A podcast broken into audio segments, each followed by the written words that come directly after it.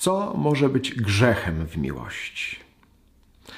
Oczywiście grzechów w miłości może być wiele, ale e, koncentrując się na tym, e, co subtelne i o czym mówi Ewagriusz w tym fragmencie listu, warto zauważyć, że jeżeli zbyt sztywno trzymamy się tego rozdzielenia, że jeżeli wybieramy to, co boskie, rezygnujemy e, całkowicie z tego, co ludzkie, jeżeli tu jest to zbytnio usztywnione, to możemy grzeszyć, bo jesteśmy zamknięci na drugiego człowieka, w którym też objawia się miłość Boga.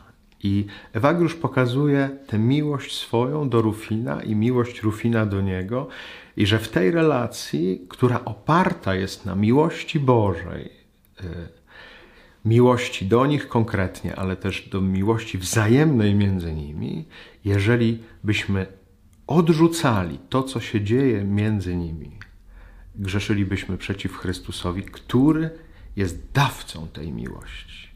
I w taki sposób możemy też grzeszyć, możemy być e, zbyt gorliwi w tym rozróżnianiu, a przez to tracimy to, co jest tak naprawdę źródłem jedności. A źródłem jedności zawsze jest miłość.